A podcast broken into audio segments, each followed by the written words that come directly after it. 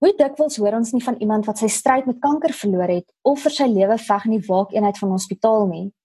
Malcolm de Roubaix, skrywer van Hoop, Heling en Harmonie, gesels met Marula Media oor die taal van geneeskunde en meer spesifiek die metafore wat gebruik word om siektes en prosesse beter te verstaan. Malcolm, baie welkom. Dankie. Malcolm, die metafore is 'n onverwendbare taalverskynsel soos wat jy ook in jou boek skryf, so ook in geneeskundige gesprek en kommunikasie. Wat het jou belangstelling geprikkel om meer hieroor uit te vind? Wel, die basis van geneeskunde is om te kommunikeer. Dit is wat dokters konstant moet doen. Positief, verkieslik positief. En ons kommunikeer verbaal, ons kommunikeer non-verbaal. Die manier waar ons die woorde wat ons kies, die metafore wat ons kies om siekteprosesse en siektes te verduidelik en wat in 'n pasiënt se liggaam aangaan te verduidelik het 'n bepaalde invloed op die verloop van siekte en op hoe 'n pasiënt reageer teenoor siekte en dink dink oor siekte. En uh, dit het my nog altyd geïnteresseer omtrent ek ek was besorg oor die manier waarop ons eintlik kommunikeer met pasiënte. Dit lê dit miskien ten gronde dat ek iets wat besorg is oor die manier waarop ons ek nie almal van ons en nie konstant nie. Jy weet dis iets wat ons nie leer om te doen nie. Ons kyk maar, monkey see, monkey do tipe van ding. Ons kyk maar hoe doen ons leermeesters en ons probeer hulle naboots en hulle en baie van hulle doen dit baie goed en hulle gee om, maar nie almal nie en nie altyd nie. En dis nie iets wat ons wat ons spesifiek oor leer nie. Malcolm is mense altyd bewus van die tipe metafore wat hulle gebruik en sê dit dan ook iets van die pasiënt se onderliggende ingesteldheid teens 'n siekte het sy dit dan nou 'n positiewe of 'n negatiewe metafore Ek glo nie net soos jy ook nie bewus is van die metafore wat jy gebruik nie. Ek meen ons gebruik konstant metafore in ons kommunikasie. Sonder metafore is ons taal baie eil en leeg. Ons kan nie metafore uit ons gesprek verwyder nie ek het eendag een van die rubriekskrywers van die burger ek lees graag sy rubriek ek sal hom nie sy naam noem nie wat ek wil sê is nie negatief nie maar nietemin inteendeel ek het ook 'n brief geskryf na die koerant toe en hom genoem die koning van die metafoor Want hy gebruik gemiddeld 20 metafore in elke meningsstuk wat hy publiseer. Baie mooi metafore. So ek dink hy is dalk bewus van sy metafoor, maar ek en jy is nie bewus van die metafore wat ons gebruik nie. Ek dink nie die pasiënt is hoegenaamd bewus nie. Inteendeel, die pasiënt glo ek nie gaan sit bewustelik en dink wat 'n metafoor. Hoe sal ek nou hierdie hierdie ding verwoord wat ek probeer sê? Hoe my gevoel, hoe ek voel oor siekte en wat ek vir ander mense wil sê ek dink dis maar 'n proses van weer eens ek hoor wat man mense sê ek hoor wat die dokter sê ek kyk wat ek in die huisgenoot en in die koerante lees en oor die radio hoor en ek gebruik maar daai metafore ek word gevoer inteendeel ek word gevoer deur daai metafore en dit is hoekom ek mense wil sensitiseer oor die metafore en eintlik maar net wil sê luister ons wat pasiënte behandel en so ons moet net so 'n bietjie versigtig wees en bietjie nadink oor hoe ons die metafore wat ons gebruik en die moontlike impak wat dit op 'n pasiënt kan hê. Ons praat nou sover tot dis van net van metafore in breë trekke, maar in jou boek spesifiseer jy jy spesifiseer militêre metafore, reismetafore en dan bespreek jy breedvoerig wat die implikasie is en jy gee voorbeelde.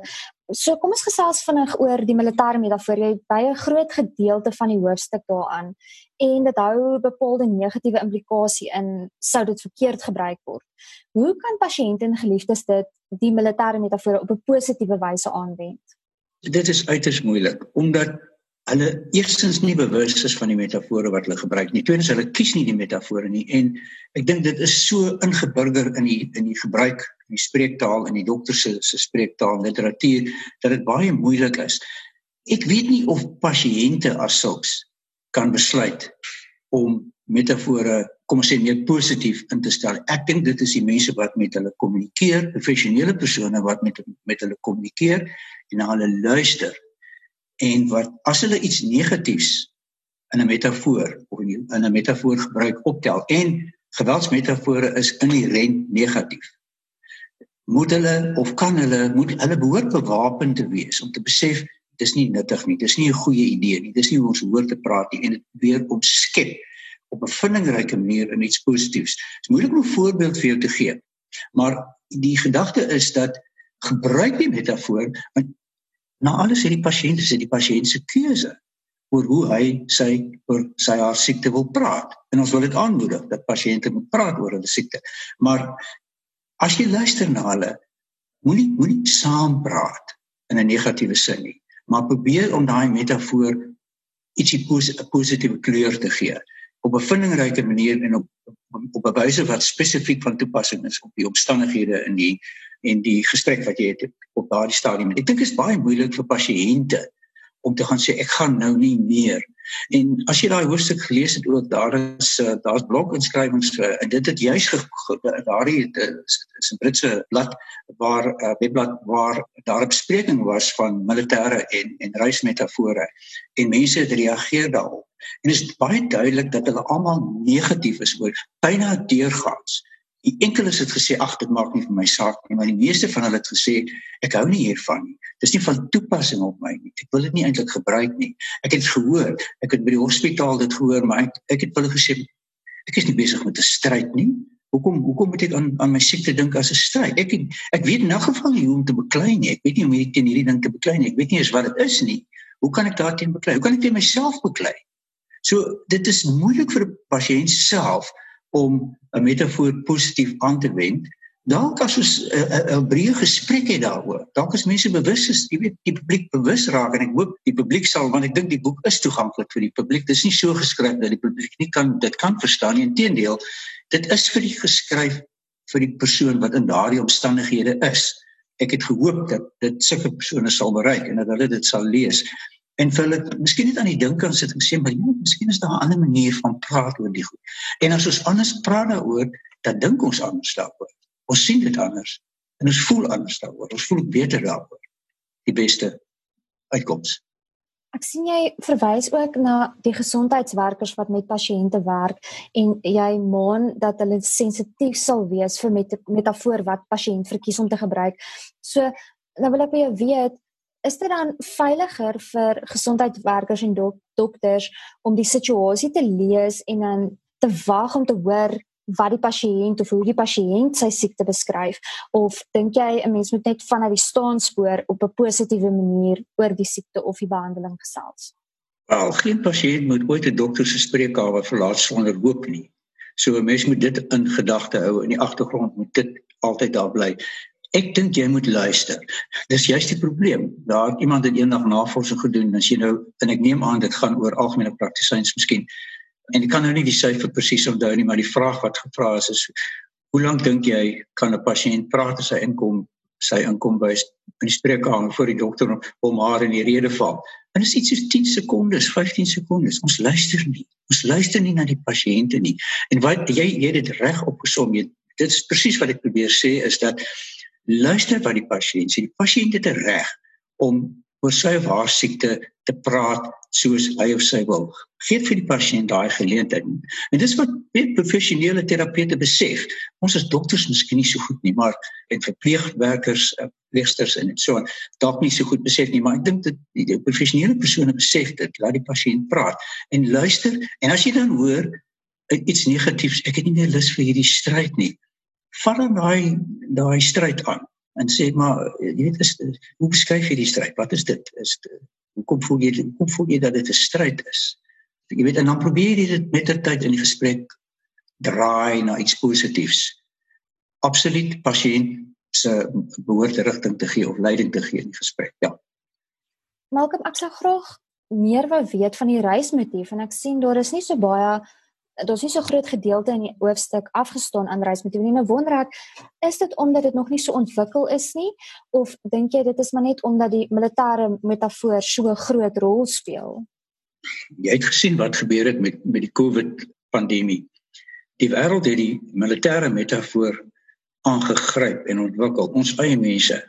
En dit legitimeer eintlik die kom ons sê net maar van die verskriklike goed wat hulle gedoen het, die inperking van ouer persone teen hulle wil.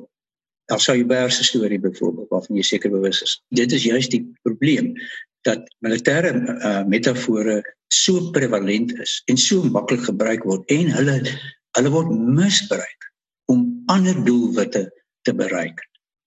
Want so gou as jy besig is met 'n stryd, kan ons mos nou nie ons kan ons nou nie daarteen gaan nie. Hoe moet ons dit moet ons dit dan beveg? Dan is ons nou kontraproduktief. Dis die idee in elk geval. En as jy na literatuur kyk, is die militêre metafoor is so vanaf maksimaal ontwikkel nie dit maksimaal is maar ver ontwikkel en so prevalent in die gebruik daarvan dat dit dat dit werklik oorheers.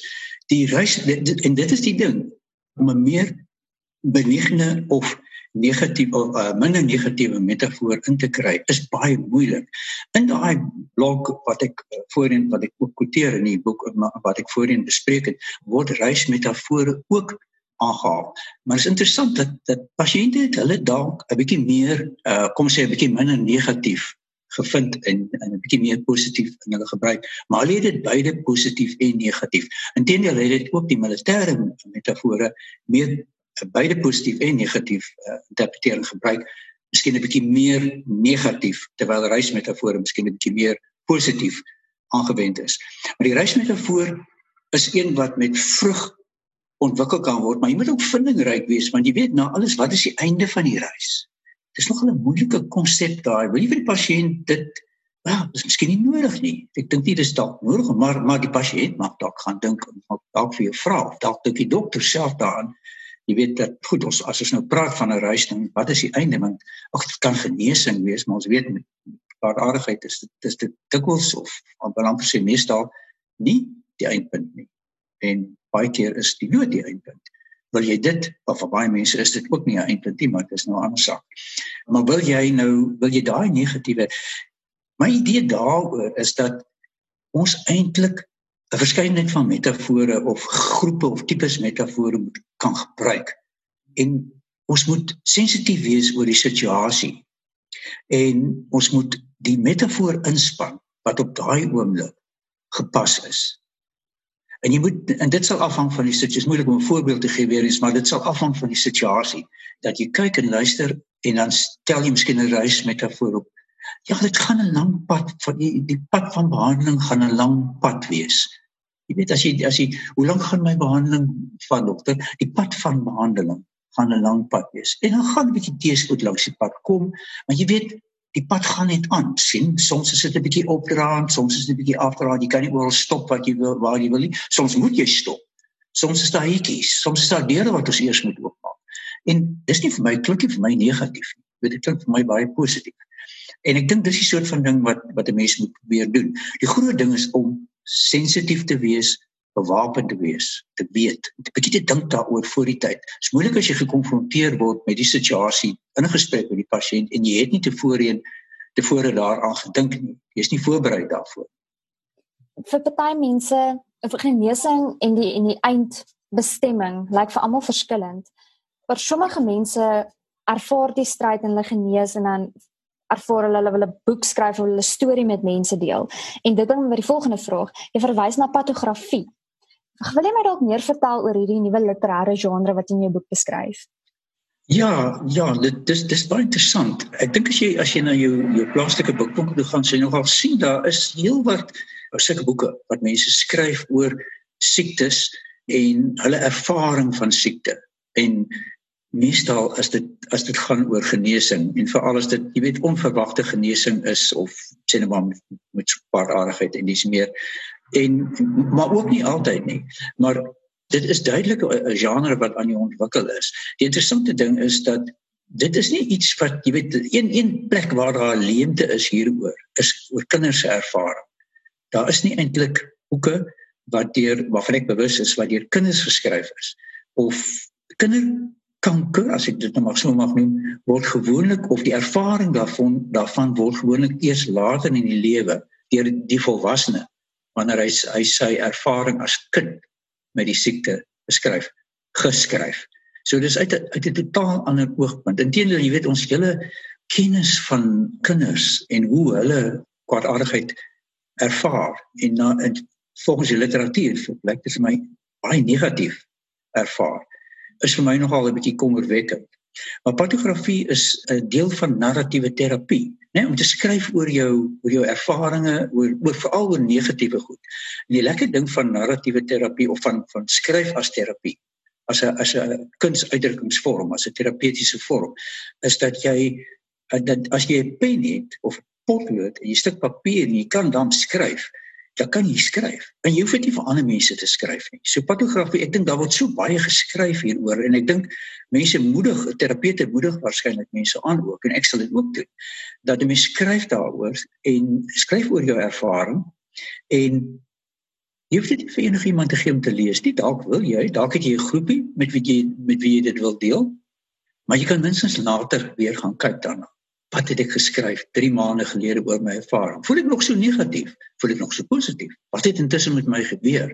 Is ek nog dieselfde persoon? Nee, my identiteit het mos nou verander in die tyd. Ek is nie meer dieselfde persoon nie. Maar hoe is dit goed? Is dit positief? Is dit negatief? Aan die een kant is dit dit is bemoedigend en inligting vir jou en my wat nie deur daai paadjie geloop het nie. En miskien dalk in die toekoms dit wel moet doen om te lees oor ander mense se ervarings en dis ook dit, dit is bemoedigend in die sin van dat mense mense bewonder wat deur moeilike omstandighede gaan gegaan het en hoop kon behou. En aan die ander kant is dit ook vir ons vir die persoon wat dit skryf, is dit 'n terapeutiese ding om net hierdie ding op papier te sit en half abstrakt daarna te kan kyk en te kyk wat het ek gesê. Wat soms is dit bekende skrywers, dan is dit nogal taamlik interessant. Mense wat nou alreeds, jy weet, ervare skrywers is en reeds gepubliseer is en soms heeltemal nuwe persone vars en nuut skryf daar.